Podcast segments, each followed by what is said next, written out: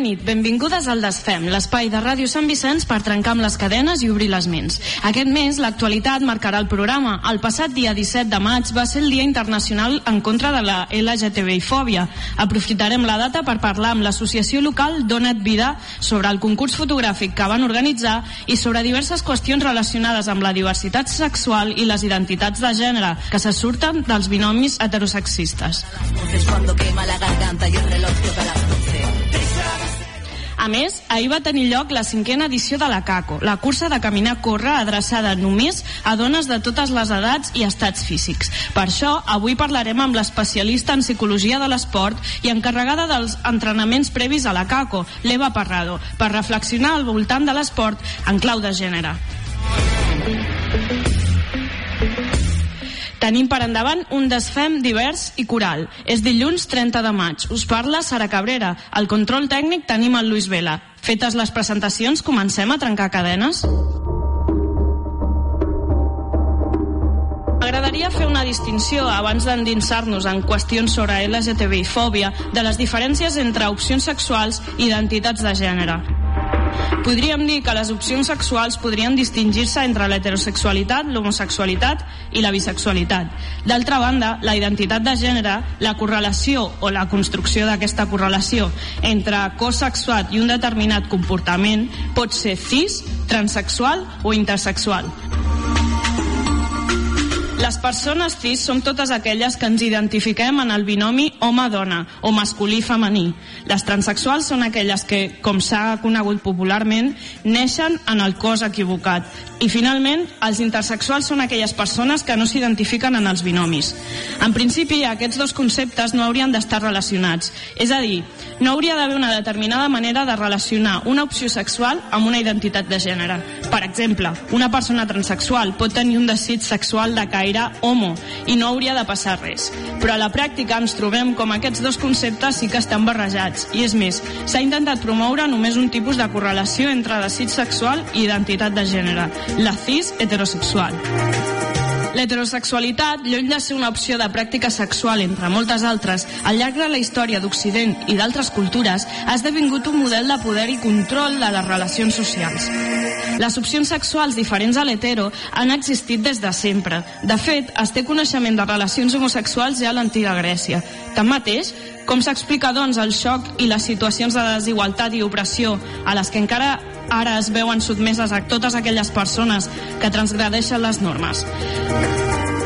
El filòsof francès Michel Foucault diu que podem començar a parlar de l'homosexualitat tal i com l'entenem ara a partir del segle XVIII, quan es passa de la penalització de la sodomia a l'acceptació de les diferents conductes sexuals, però introduint un control social dels cossos a través dels discursos sobre la higiene o la salut sexual, el que ell anomenarà biopoder. Un exemple extrem d'això? Doncs l'associació entre persones gais i sida.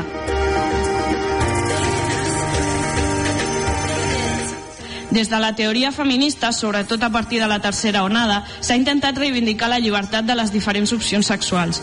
Una de les crítiques més fonamentades a la societat heteropatriarcal la va iniciar la poeta anglesa Monique Wittig establia que la categoria dona només es construïa en una relació heterosexista desigual i que, per tant, les lesbianes no eren dones. Posteriorment, i potser són una de les aportacions més recents i reptes dels feminismes, van aparèixer els estudis queer, que posaven en qüestió les identitats de gènere monolítiques. Si Simone de Beauvoir deia que dona no es neix, s'arriba a ser, i que, per tant, el gènere és construït en relació al sexe, Judith Butler que serà una autora que marcarà aquestes teories queers, considera que ni tan sols el sexe és natural. Ser dona o ser home ho construïm amb actes performatius, és a dir, des de la repetició d'hàbits corporals, de maneres de caminar, de vestir-nos, de parlar, des del moment que associem que el penis és masculí i la vagina femenina, i des de que les nenes les vestim de rosa i els nens de blau. Es podria parlar molt sobre aquest tema i jo, persona cis heterosexual en procés de deconstrucció, no sóc la més adient per abordar-ho sense caure en llocs comuns i sense parlar des de la veu opressora, però espero que us hagi servit per fer una mica d'introducció. Després d'aquest ventall de tecnicismes, us deixo amb una cançó molt pertinent d'Aquelarre, que reflexiona sobre alguna de les qüestions que es tracten en aquest desfem. Es diu Degenerade. Es Estoy encerrado en un cuerpo de mujer y ya con cinco años me dijeron que eso no podía ser, que era la edad, que era normal, que se me pasaría al llegar a la pubertad, a la pubertad.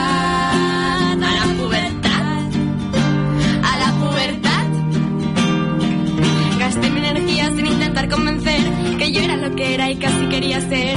Guardaba todas mis dudas para la soledad y delante de la gente aparentaba mucha seguridad, mucha seguridad, mucha seguridad, mucha seguridad.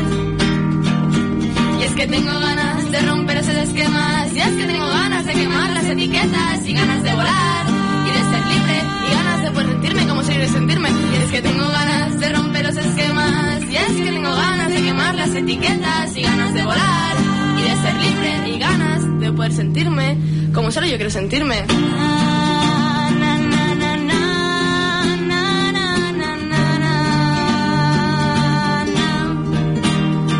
Y como no aparecieron esas acosadoras, esas que te persiguen casi siempre a todas horas, me decían, maquíllate, vístete como una persona normal.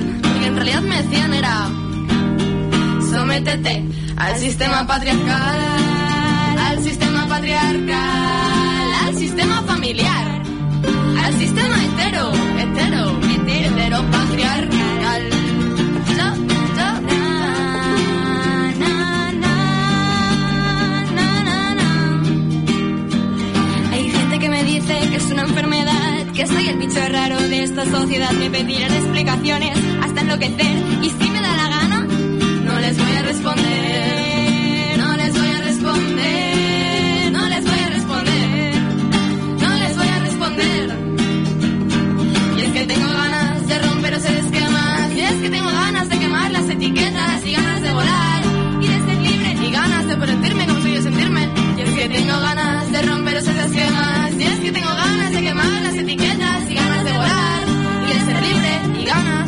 Sentirme como solo yo quiero sentirme. No. No, no, no, no. No nos vais a adoctrinar. Como otras imposiciones sociales, lesbófobas, sexuales, capitalistas, autoritarias. No. Esta vez no. Esta vez no. Aquelarre. Com comentàvem a l'inici, el passat 17 de maig va ser el Dia Internacional contra la LGTBI-fòbia. Per tractar aquestes qüestions específiques al voltant de la diversitat sexual i les identitats de gènere i els estereotips al seu voltant, avui comptem amb la participació de quatre membres del col·lectiu local Donet Vida. Per un costat, eh, comptem amb la Natàlia Marín. Hola, Natàlia, gràcies Hola, per bona venir. tarda. Amb la Diana Acevedo, moltes gràcies per venir. Amb el Daniel Robles, Bona tarda. I amb l'Albert Moreno. Moltes gràcies. Hola. Uh, si us sembla bé, començarem per, per endinsar-nos primer en aquest tema i com he dit que utilitzant una mica l'excusa de la diada del 17 de maig contra la LGTBI-fòbia eh, doncs per aquí anirà el primer tema creieu que un dia com el 17 de maig té sentit i és útil eh, avui a maig del 2016 Bueno, sí, perquè creiem que l'orgull normalment s'utilitza com a molt festiu i poc reivindicatiu, encara que a rerefons ho és, i per tant tenir un dia per lluitar contra la homofòbia normalment és molt important. si algú més vosaltres mateixos, eh, com vulgueu. Eh, diríeu que hi ha prou consciència i respecte cap a la diversitat a Sant Vicenç dels Horts?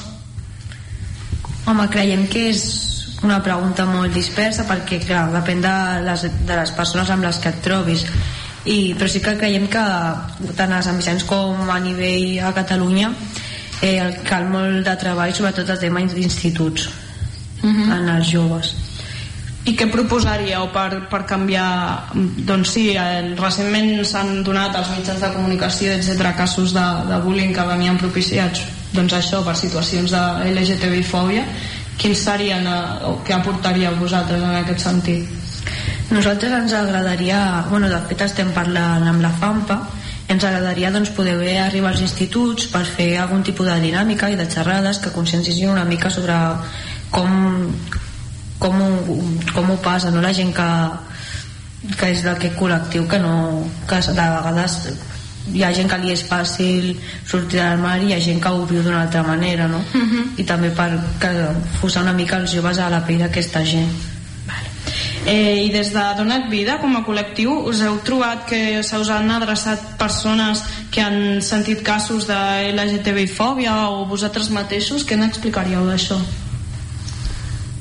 Bueno, actualment encara som en aquest tema encara som una mica joves i per tant encara no coneixem gaire no se'ns adreça gaire gent però personals que coneixem sí que en coneixem uns quants inclús a nivell tema laboral i que els hi costa sortir a l'armari perquè -hmm. tenen por a represàlies o que la gent no se'ls hi posti tant o tal mm -hmm. I com hi treballeu amb aquests casos?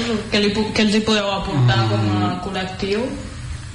Bueno, doncs més aviat consell, no? Més que res per dir, bueno, pues, realment si tens por a sortir al marit, doncs els hi pots dir que, eh, que no que no t'ha de costar perquè després si la gent real, realment t'estima doncs no els importa que siguis com siguis i si, no, i si els importa de veritat doncs realment no t'estimen tant i no mereix la pena mm -hmm. Eh, si us sembla, seguim una miqueta endinsant-nos en aquest tema i passem potser més a, a diversit, diversitat sexual al principi. Sembla que avui en dia qüestions com la homosexualitat ja estiguin accepta, acceptades perdó, a les nostres societats, però algunes persones bi, gais o lesbianes segueixen patint situacions, com comentàvem, desfavorables quan expliciten la seva condició, no? Per què creieu que perdura aquest tancament encara avui? Supongo que será porque todavía vivimos en una sociedad patriarcal, muy heteronormativa, donde tenemos que romper los roles y estereotipos de género para que no se atribuyan cosas específicamente femeninas a los chicos y por ello se les, desde pequeños, la, sociedad y, el grupo con el que se mueven le ataquen por, por los roles que se le otorgan. ¿Y alguna cosa más voleu aportar? Eh, diríeu que és possible viure sense caure. Ho, ho comentaves tu un, una miqueta al principi ara dels de, rols que s'estableixen quan ets mm, home o dona. Eh, és possible viure sense caure en la divisió de binomis precisament entre masculí i femení? Pues lo importante es que vivimos en una sociedad donde desde edades tempranas ya empezamos a separar. Si, empezamos, si trabajamos que desde pequeños no se separen, desde que el niño va a la guardería, el niño o la niña va a la guardería, no, no comenzamos a dividir los juegos entre juegos para chicos y juegos para chicas, lograremos que cuando son adultos no tengan que hacer esa separación. Entonces, cuando sean mayores, eh, la, la posibilidad de que sufran discriminación será menor también. Uh -huh. Però mm, això és un tema que ha sorgit mm, molts cops i bueno, jo també que formo part d'un altre col·lectiu feminista com es pot viure al, al cap i a la fi des de que naixem la categoria dona o home ens marca i realment la societat està dividida així no? què es pot fer per conviure amb aquestes categories i, i, i alhora anar superant-les no? perquè comentàvem, si no és impossible que hi hagi algun canvi si entre home i dona ja, ja hi ha desigualtats si perdura aquesta estructura no? com ho veieu? Home, jo crec que més, més acceptar com una característica normal, com si jo sóc ros, tu ets... Ah, jo sóc moreno, tu ets rosa, i és una característica més, i no se li dona més importància ni, no ha de tenir com un rol acceptat sinó ets una característica i ja està, o sigui, jo sóc home i no ha de tenir cap res més associat Uh -huh. creiem que, la, o sigui, que el primer no és diferenciar-nos entre homes o dones no? perquè és això és una cosa que ve innata o que, bueno, que encara que hi ha després com els transexuals no? que poden canviar però creiem que, que realment el que és negatiu és tota la càrrega no, de rols que hi ha sobre el ser home o ser dona uh -huh. i com s'ha d'intentar fer perquè estàvem parlant ara de, dels binomi no, entre home i dona eh, què creieu que, que es pot fer per la gent que no s'identifica o comentaves tu ara transexualitat o intersexualitat amb aquestes dues opcions que veu que no? O bé perquè se sent que s'apropa més a la que no ha estat assignada des del seu naixement o perquè no s'identifica amb cap de les dues mm, pugui viure sense estigma què es pot fer Bueno, més aviat s'hauria d'acceptar aquestes persones que puguin canviar i que puguin prendre el gènere que ells vulguin, perquè normalment un transexual no es queda sense, sense gènere, sinó passa un gènere, doncs si aquest transexual és un home i passa a dona, doncs des d'aquest moment se'l tracta com una dona i sense cap mena d'estigma i acceptar-lo tal com és, perquè segueix sent comença a ser una dona i ja està mm -hmm. que nosaltres creiem que els problemes diguem-ne de la societat ve més bé quan aquest home o, que, o aquesta dona no, no s'identifica com a tal com el que diem de la teoria de queer no? que hi ha gent que no és ni home ni dona no? que no es vol identificar cap dels dos sexes i com nosaltres estem tan interioritzats amb això de ser el que tu deies els, de ser dona o dona doncs costa molt, o sigui, li costa més al, al col·lectiu que no té cap gènere, diguem-ne, que el col·lectiu que fa una transició completa, no? Mm -hmm. eh, L'Albert ha comentat una cosa que diu, al moment que, que escull el gènere, no?, per fer el canvi, diríeu que es pot escollir el gènere? Que tu pots escollir lliurement eh, em sento dona o, em sento, o vull fer un canvi? Home, la, la societat actual és bastant complicat, no? O sigui, suposadament sí que el, pot, el pots escollir, no, diguem-ne, o sigui, segons el teu entorn, hi ha vegades que, doncs, doncs sí, no, que la teva, doncs tu no et sents còmode, potser ho expresses, no? També després de fer tota la transició tu mateix i expresses a la teva família, per exemple, i ella es recolza i, bueno, realment hi ha, hi ha mètodes, no?, per canviar-ho, però, clar, no sempre és, és acceptat, depèn d'on et moguis una mica, no? Mm -hmm. Mm -hmm. La libertad va un poquito relacionada también a la aceptación del proceso de, del tránsito de pasar de ser hombre a ser mujer o de ser mujer a ser hombre. El proceso es duro y es muy largo. Y no todo el mundo lo puede acabar. Porque antes, para empezar este proceso te tienen que diagnosticar un trastorno. Hoy en día, lo mismo que la, homosexual, la homosexualidad en el 1990 consiguió estar fuera de, del libro de enfermedad de, de trastornos mentales, la transexualidad hoy día todavía está dentro un apunt que això que deia del trastorn del transsexual que és veritat que la nova llei de l'11-2014 un dels punts que tenia és aquest no? que no haver de classificar a un transsexual com a una malaltia mental per poder accedir a tots els, a tot el sistema mèdic no? que, que necessita per poder fer aquest canvi mm. i que, bueno, que és important també això no? que és veritat que fins ara no es podia fer però que a poc a poc també la societat va avançant no? i va canviant Sí, però creieu que la pràctica, o sigui, la pràctica continua sent que si no passes per un procés mèdic no pots accedir a determinades hormones per fer el canvi, ¿no? Per exemple. Claro, la práctica viene siendo que la dificultad que muchas personas tienen para someterse a ese tratamiento hacen que vaya un mercado negro uh -huh. de venta de hormonas. Es decir, lo que se está consiguiendo es que este proceso sea más perjudicial para las personas y más inseguro. Pero también creo que es necesario un tipo de control porque quizá alguien entra y empieza a hacer loco y no sé, un tipo de control médico que controle que te estás tomando la dosis que te toca que lo hagas, yo creo que es necesario para que lo hagas a justa medida y además una operación no te la puedes claro, hacer no, tú en tu casa. Claro. Una cosa es un control médico y otra cosa es que te digan que tienes una enfermedad. O sea, sí, hombre, sí, yo no estoy diciendo que tenga que hablar de una enfermedad. No tiene, yo creo que no tiene que ver una cosa no, con la otra, o sea, el médico claro que tiene que estar, porque si no pasa ya como dice Daniel, no que a un mercado negro y que y descontrol y bueno, que es peligroso para los cuerpos. I més que la, el control mèdic, jo també estic una mica d'acord, és que mm, per fer aquest canvi, no? per dir-te, d'acord, eh, et donen l'ok, diguéssim, has de justificar mm, que el teu cervell és femení ja, ja, o que el teu sí. cervell és masculí, no? que has de, de actuar d'una determinada manera i és com una posició considero, és una merament mm -hmm. opinió això, eh? com una mena de policia del gènere, no? el que esdevé sent el, el metge, no sé, aquestes reflexions és complicat, no? i encara avui en dia començar a parlar d'això ja costa i fer que la gent s'extregui no? des d'un pla potser més, més extern encara, encara més a mi quan parlava de tot això m'ha recordat a, a Preciado quan diu que per exemple a, si, una, si un home vol, vol fer el procés cap a, cap a dona els estrògens pots anar a la farmàcia i comprar-los la testosterona un metge ha de ser qui t'hagi de... no sé, és, crec que és curiós no? Sí. Bueno, hay teorías que hablan de eso, sobre la situación del hombre y de la mujer y la eh, como la figura masculina siempre ha estado en un poder eh, el, eh, superior en la sociedad, el cambio para que, para que una mujer sea hombre está sometido a muchas dudas, a muchas cuestiones y se le dificulta, porque sería llegar al ser supremo. Al ser supremo. Y cosa que no se hace cuando un, un hombre cree ser una mujer.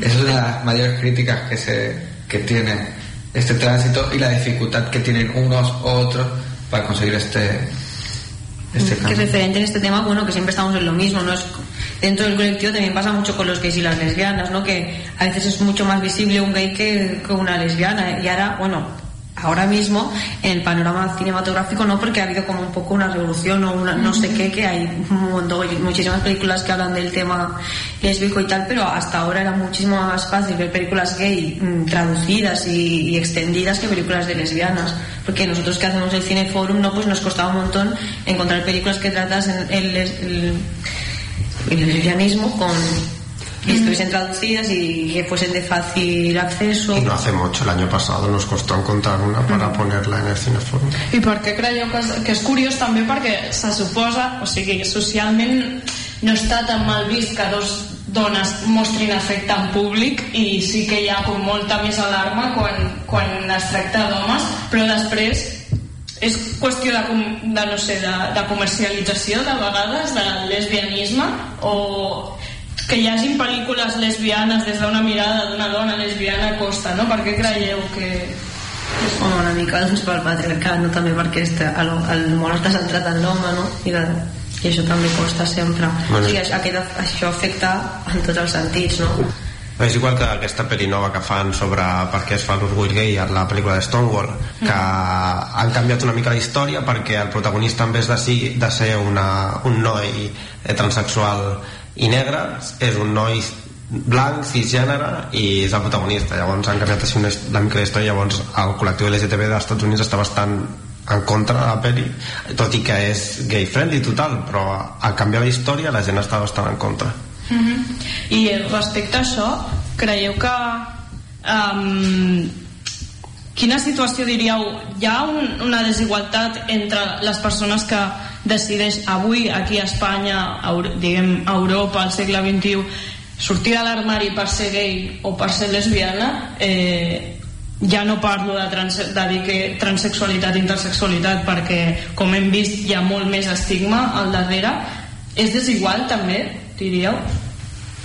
Entre homes i dones vols dir? entre la persona que, deci que decideix explicitar que és, sí, que és lesbiana o que és gay hi ha diferències d'acceptació aquí a- no sé com ho veieu vosaltres el tema per exemple hi ha mo- molta crítica ara que el rotllo gay, gay friendly no? als Estats Units està a les parelles homosexuals en principi eh, de cara al discurs políticament correcte està molt acceptat diríeu que hi ha diferències o, o no?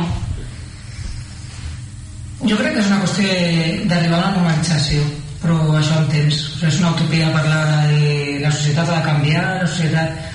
Jo crec que a poc a poc, o sigui, en el punt que estem ara, fa millor 20 anys, ningú pensaria que arribaríem, saps? O sigui, el millor és tenir paciència i sobretot com a entitat o com a persona humana que som és crear un punt de trobada perquè tothom que estigui en aquesta situació vegi que no està sol que, que hi ha més gent que està en la mateixa situació i que sobretot aquest tema, saps? Eh, trobar aquest punt de trobada, perquè hi ha coses que no podem canviar nosaltres, encara que vulguem.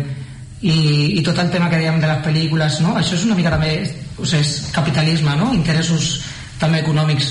O sigui, i ara eh, hi ha molta més gent, eh, es veu més, no? És més visible el tema lèsbic, el tema gay, doncs ara mateix és més rentable fer una pel·lícula gay o lesbiana. O sigui, sembla una tonteria, però, però ara és més rentable que abans. Potser abans la feies i no sabies si aniria gent o no. No perquè no hi haguessin, sinó perquè potser hi havia més pors per anar al cinema a veure un, un tipus de pel·lícula així.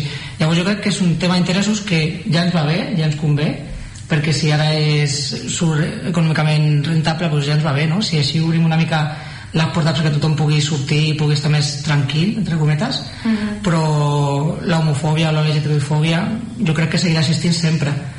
Al final és fer una mica de ressò i racó que la gent vegi que no tothom pensa igual, que no és cap malaltia i que, que es vegin una mica recolzats més que res. -huh. però tant aquí, o sigui, gais, lesbianes, jo crec que al final és una mica tot. Jo crec que la finalitat seria aconseguir que, que el sexe d'una persona, l'orientació sexual d'una persona no et definís.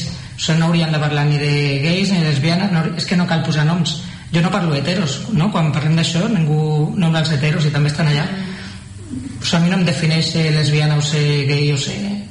Crec que s'hauria d'arribar al punt de no, de no haver-te de definir Uh -huh. I em perdonareu si torno al, al tema de, de binormis, vale? però ara intentarem abordar-ho des d'una altra manera. Contínuament a, a la televisió, a la publicitat, a internet, a les pel·lícules se'ns bombardeja amb cossos pues, això, que, que ultrafeminitzats o ultramasculinitzats. Diríeu que a part de la falta d'una mentalitat oberta per acceptar doncs, cossos diferents que no s'adapten a les normes ben influïda per, per això el fet de que una persona quan vegi un cos diferent salti amb, amb mm, negativitat o tancament té a veure també perquè no se'ns mostren cossos diferents. Sí, home, sempre estan esperant no, que el desconegut fa por.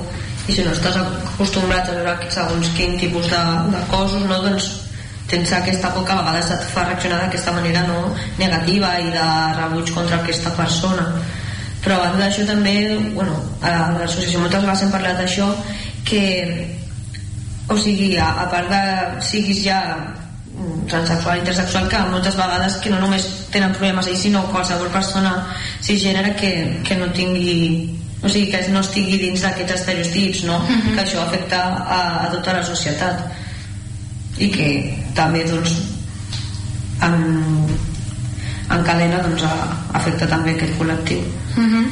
uh, abans introduïeu uh, el tema de la qüestió jurídica no? uh, l'octubre del 2014 el Parlament de Catalunya va aprovar la llei per garantir els drets de lesbianes, gais, bisexuals, transgèneres i intersexuals i per erradicar l'homofòbia, la bifòbia i la transfòbia què creieu o què opineu que va suposar aquesta llei portada a la pràctica per tot aquest col·lectiu de persones? Um, aquesta llei no, ser de portar a la pràctica perquè encara no està molt portada a la pràctica no, per aquí també la pregunta sí.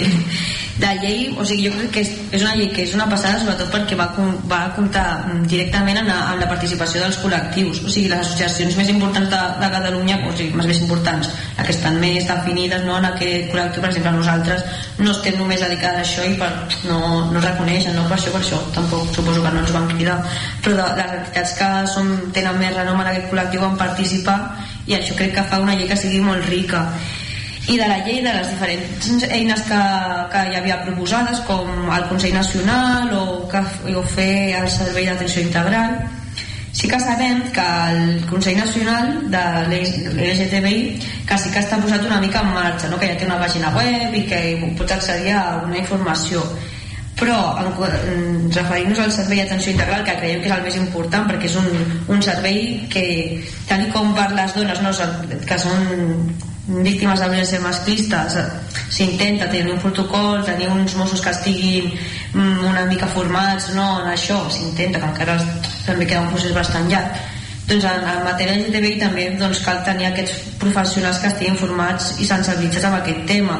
I en això és en el que no s'ha avançat res i que no hi ha encara cap servei que, que faci d'atenció integral a aquestes víctimes i creieu que és per una qüestió de temps o voluntat política o...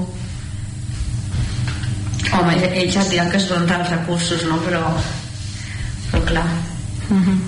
de, bueno, sí, la llei òbviament és un, un punt inicial no? però si no s'hi destinen recursos mm -hmm. ja si baixem una mica a la vostra, a la vostra activitat com a col·lectiu eh, explicava al principi del programa que el 17 de maig va organitzar un curs un concurs perdó, fotogràfic en contra de, bueno, que portava l'objectiu de mostrar doncs, efectivitat diferent no? i per promoure doncs, actituds positives envers la, el col·lectiu LGTBI. En què va consistir uh, aquest concurs? Quina valoració en feu?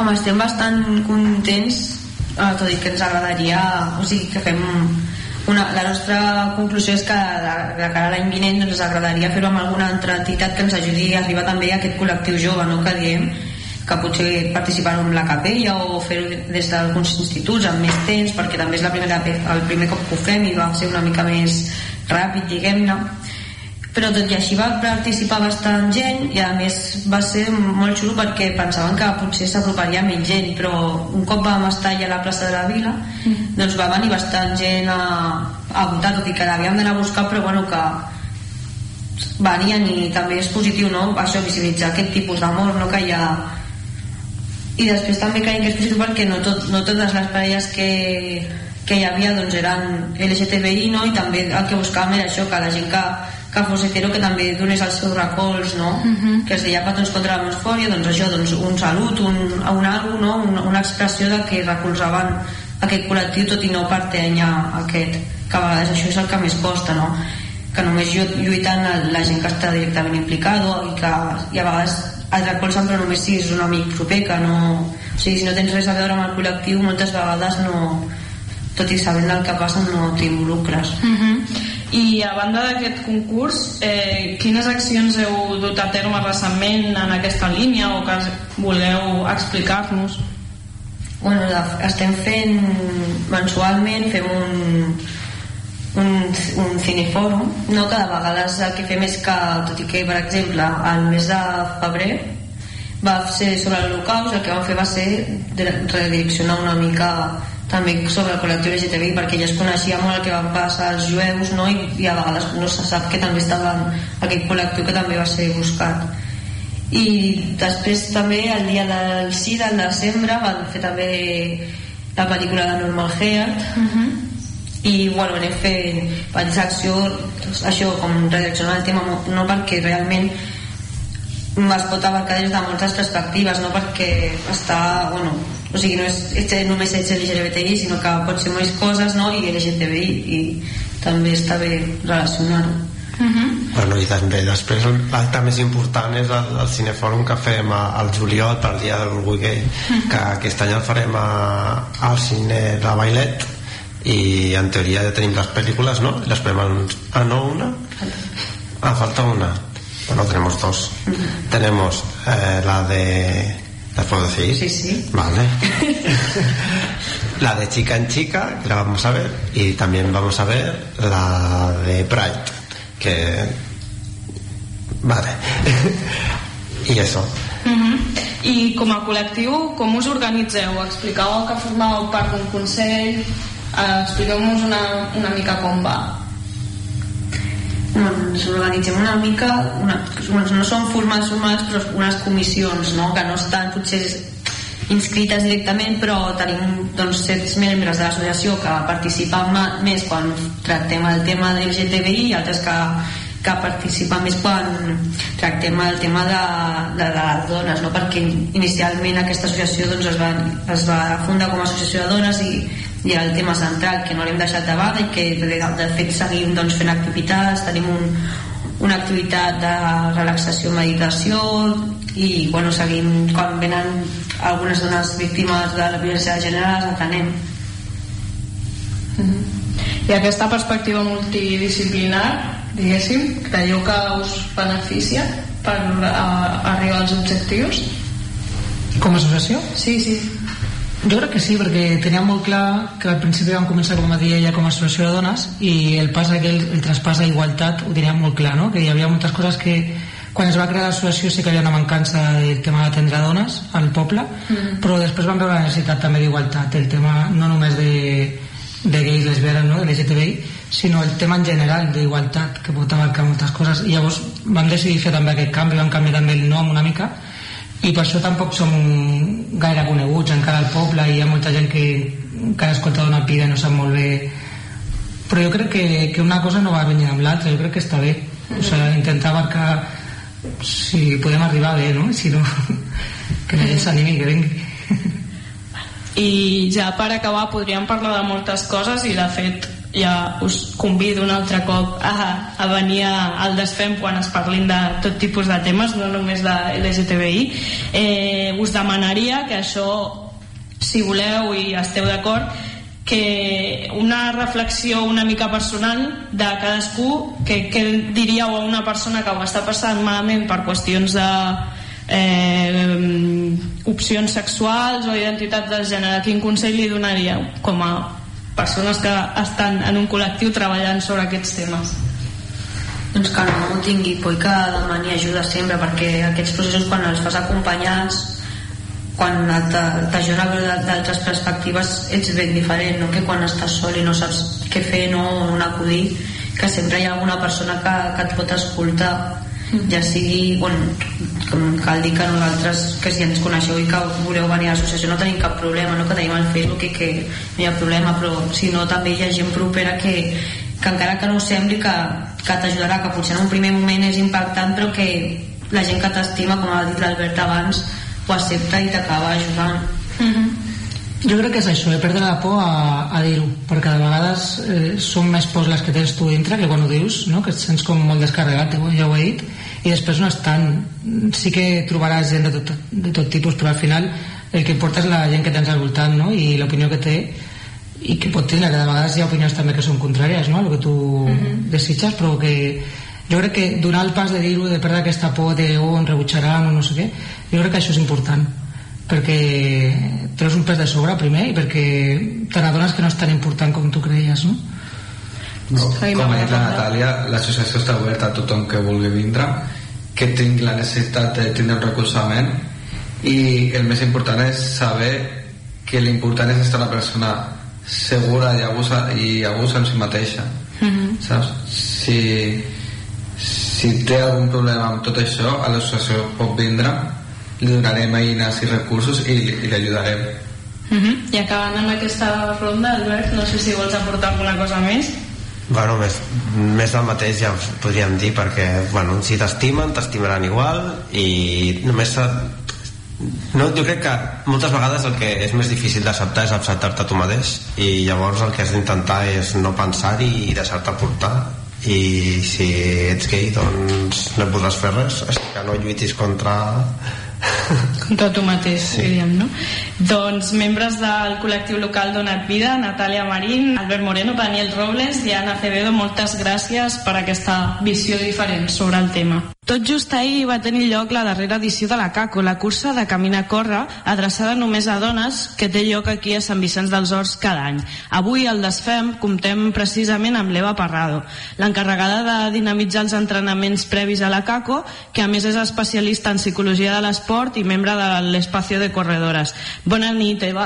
Hola, bona nit. Començarem parlant més de, dels preparatius de la CACO. Tenim entès que els entrenaments per a aquesta cursa de Camina Corre hi participen dones de totes les edats i condicions físiques, diguéssim, que han estat entrenades prèviament o no. Eh, com ha estat l'experiència de dinamitzar aquests entrenaments amb perfils doncs, tan diversos, no? I a més, el segon any que fem aquests entrenaments, no? amb la qual ja teníem l'experiència de, de l'any passat, i la veritat és que un dels aspectes més, més importants és que totes les dones que venen tenen molt bona predisposició. Llavors, és una mica més senzill. Sí que és cert que a l'haver diferents nivells també el volum de participació és molt alt, hi ha, hi ha hagut entrenaments que ens hem trobat amb 25 persones, no? 25 dones a vegades és una mica una, una bogeria no? Mm. però tot i així no? amb una molt bona predisposició per part d'elles amb molt bona organització també és cert que nosaltres ja plantegem aquests entrenaments tenint en compte doncs, les diferents necessitats de, de diferents dones i, i contemplant que hi ha dones que no han corregut mai no? Mm -hmm. i dissenyem els entrenaments també en aquest sentit tenim entrenaments en diferents nivells i tot i així no? en el dia a dia també anem ajustant i més enllà de l'entrenament físic, diries que els entrenaments també han servit per agafar confiança per part de les dones, potser pels perfils aquests que no estaven amb una preparació prèvia? Jo sempre dic que el canvi més espectacular es dona precisament amb les dones que no han fet mai esport, no? Uh -huh. amb les que comencen amb, amb el caco.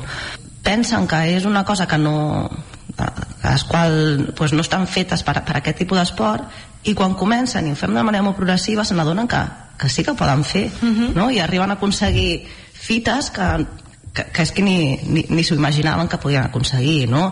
l'any passat recordo una dona no, que va acabar molt molt contenta dient però si és que jo ni em pensava que podria córrer tota la caco mm -hmm. sencera això, això sí que és molt important no? per, uh -huh. per l'autoestima de, de cadascú no? de, de veure com, com pots assolir fites que a priori pensaves que no podies assolir Per què creus que es dona aquestes sensacions prèvies de dones de pensar pues, no estic feta per aquest tipus de pràctica física o d'esport Creus que és comú per començar i, i, per, i si es dona, per què creus que és? Bé, no, no sé si és comú, potser és en funció una mica de, de l'experiència prèvia que, que has tingut, no? Algunes de les dones, no?, comenten que fins i tot quan eren més joves i feien les classes d'educació física obligatòria, uh -huh. doncs que ni els, agrada, ni els agradava ni, ni, es ve, ni es veien preparades, no? Potser és que el tipus de pràctica que esportiva, no? primer està molt vinculat en l'esport i en l'esport de competició i es veu una pràctica en molts casos llunyana als propis interessos o les capacitats la gent no sent afinitat, les dones no senten afinitat per aquest tipus de, de pràctica uh -huh. esportiva, no? que moltes vegades és això, no? molt focalitzada en el rendiment, en la competició i penso que les dones moltes vegades sí que, sí que podem estar enfocades en la competició però hi ha altres components que, que tenen més, més pes i més importància uh -huh. I seguint adinsant-nos una mica en aquesta perspectiva de gènere de la CACO, creus que avui a, a maig del 2016 té sentit una cursa adreçada només a, a dones? He sentit, per exemple, moltes crítiques no, envers la, la CACO per part d'homes, no, dient que troben una discriminació, uh mhm. -huh. no? que per què únicament una cursa de dones però la realitat és que dones que no es plantejarien mai participar en una cursa participen en la CACO uh mhm. -huh. no? des de potser dones més grans no? fins i tot dones que no han participat en els entrenos no? però, però t'hi trobes no? dones que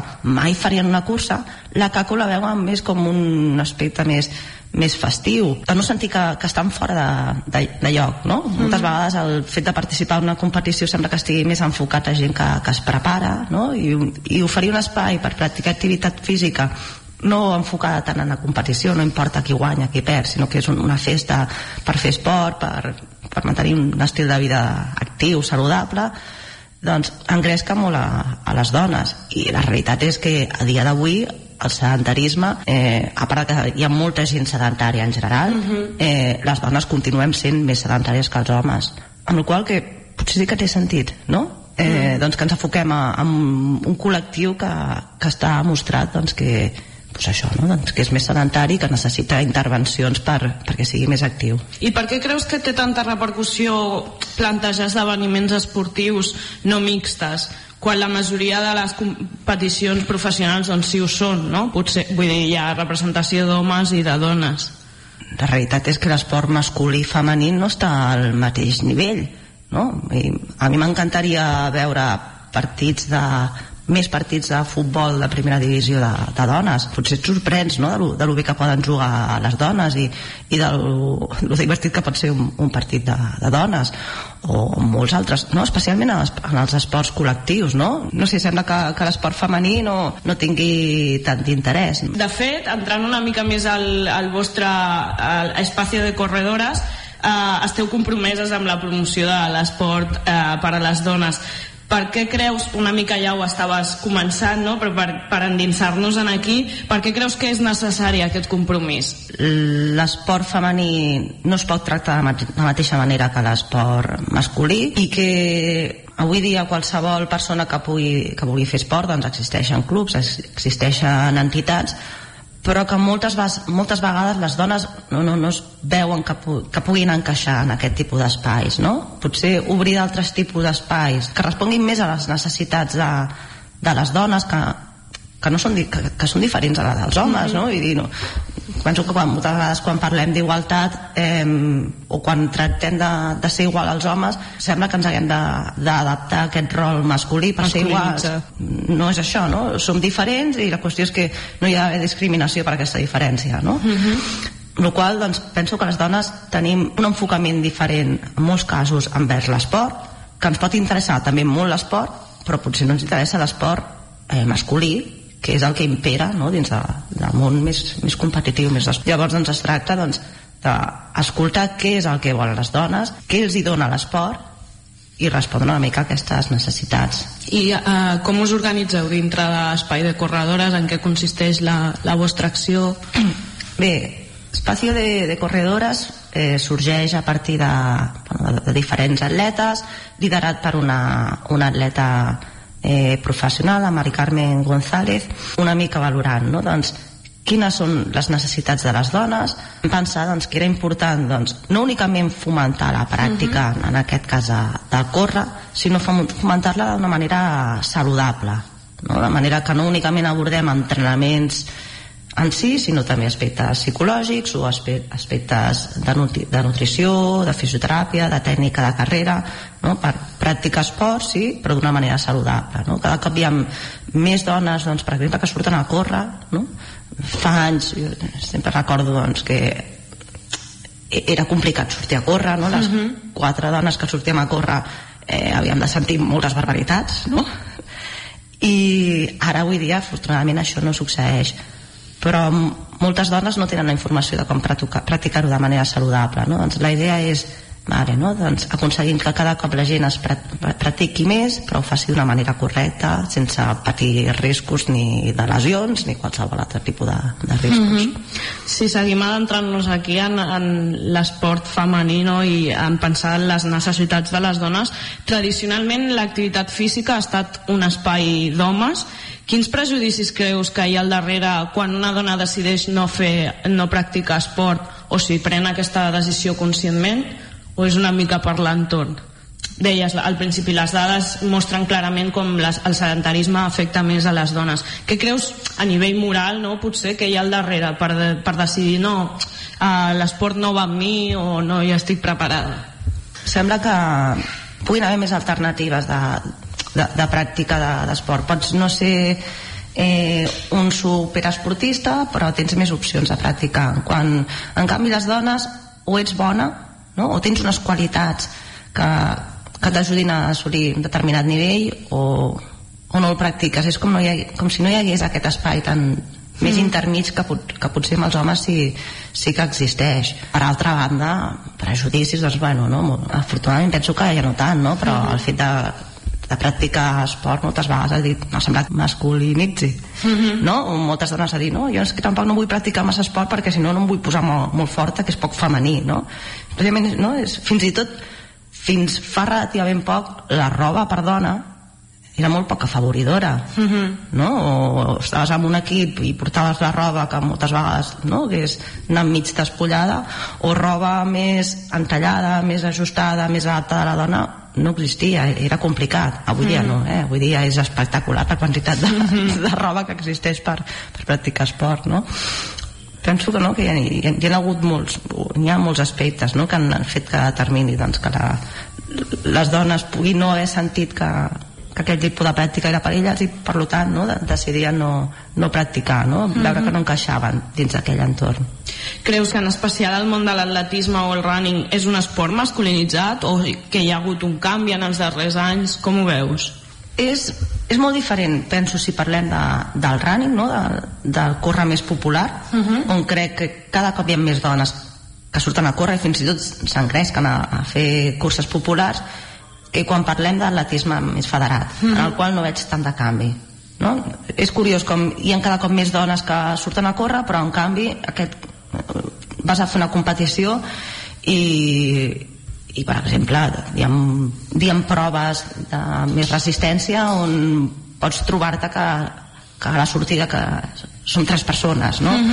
no hi, ha, hi ha hi ha una mica de, de diferència o sigui, encara hi ha molts més homes no? a nivell federat que per exemple fan atletisme que, que no pas dones les dones no, no està tan extens i buscant una possible causa com normalment les dones és, són les encarregades de les tasques de cura i la, la disponibilitat per practicar l'esport varia creus que el no tenir suficient representació a, les, a la pràctica esportiva professional ve per aquí, per les càrregues familiars potser? penso que a dona sí que hi arriba un moment en què tens aquesta incompatibilitat no sé si els homes avui dia també la senten Mhm. no ho sé vull Ja. dir, no, no vull parlar del que no sé no? Però sí que és cert que com a dona sí que t'hi trobes. Eh, no únicament per les responsabilitats que puguis tenir a nivell de la llar a nivell de, de la cuida de que arriba un moment en el que fins i tot et, et pots plantejar ser mare. I, i això suposa obligatòriament un- una parada. Si estàs en l'esport de- d'alta competició tot això ho has de planificar.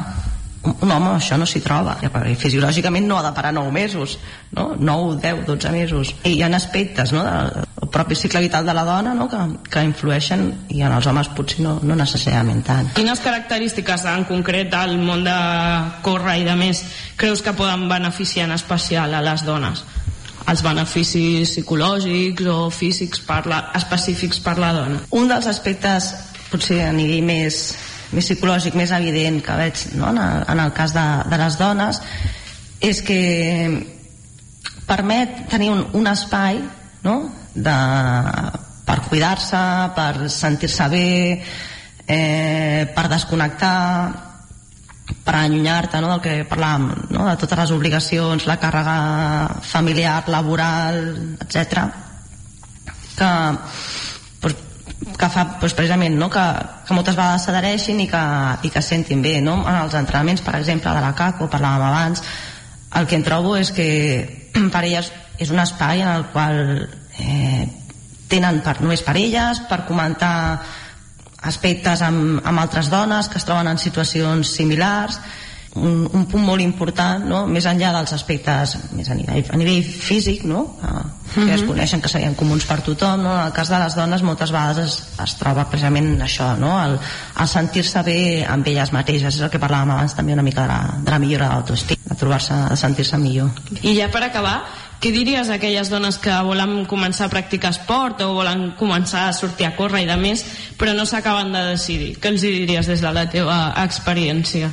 Evidentment que, que surtin, que l'esport es pot fer a qualsevol nivell, no? que comencin d'una manera molt progressiva, això és molt important, no? Que, que no es plantegin eh, grans reptes eh, ni arribar a, fer coses que fan els demés, no? sinó que es plantegin quin és el seu nivell actual i que mica en mica intentin ser cada dia una, una miqueta millors que no els importi el que, el que pensin ningú no? i que bé, no? en el moment en què comencin a practicar veuran els beneficis que té i el bé, i el bé que senta eh, doncs Eva Parrado, encarregada de dinamitzar els entrenaments de la CACO i especialista en psicologia de l'esport eh, moltes gràcies per assistir a aquest Desfem vale, gràcies a vosaltres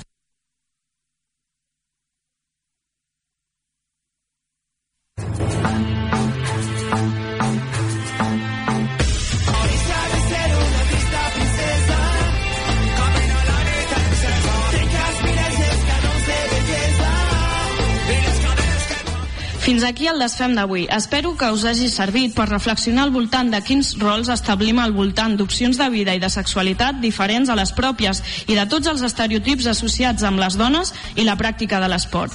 Ens tornem a trobar l'últim dilluns de juny a les 9 del vespre per seguir trencant les cadenes. Ja ho sabeu. Bona nit. Como quiera mira más, mira más tu pose. Yo vine para gozarla, yo no pa' que tú lo goces la perra que más larga si hace falta no gozar para las voces. Cuando quema la garganta y el reloj toca las doce deja de ser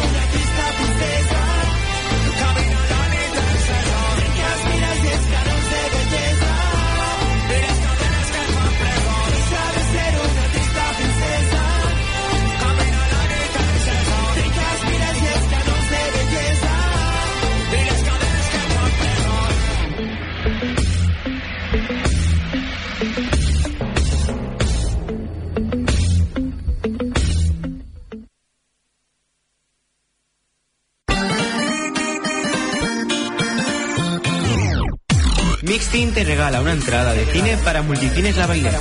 Pero eso no es todo. También te regala un Frankfurt y un refresco en el Frankfurt original La Cánova Patita. ¿Quieres participar? Entra en nuestro Facebook www.facebook.com barra mixin y descubre cómo. Y descubre cómo.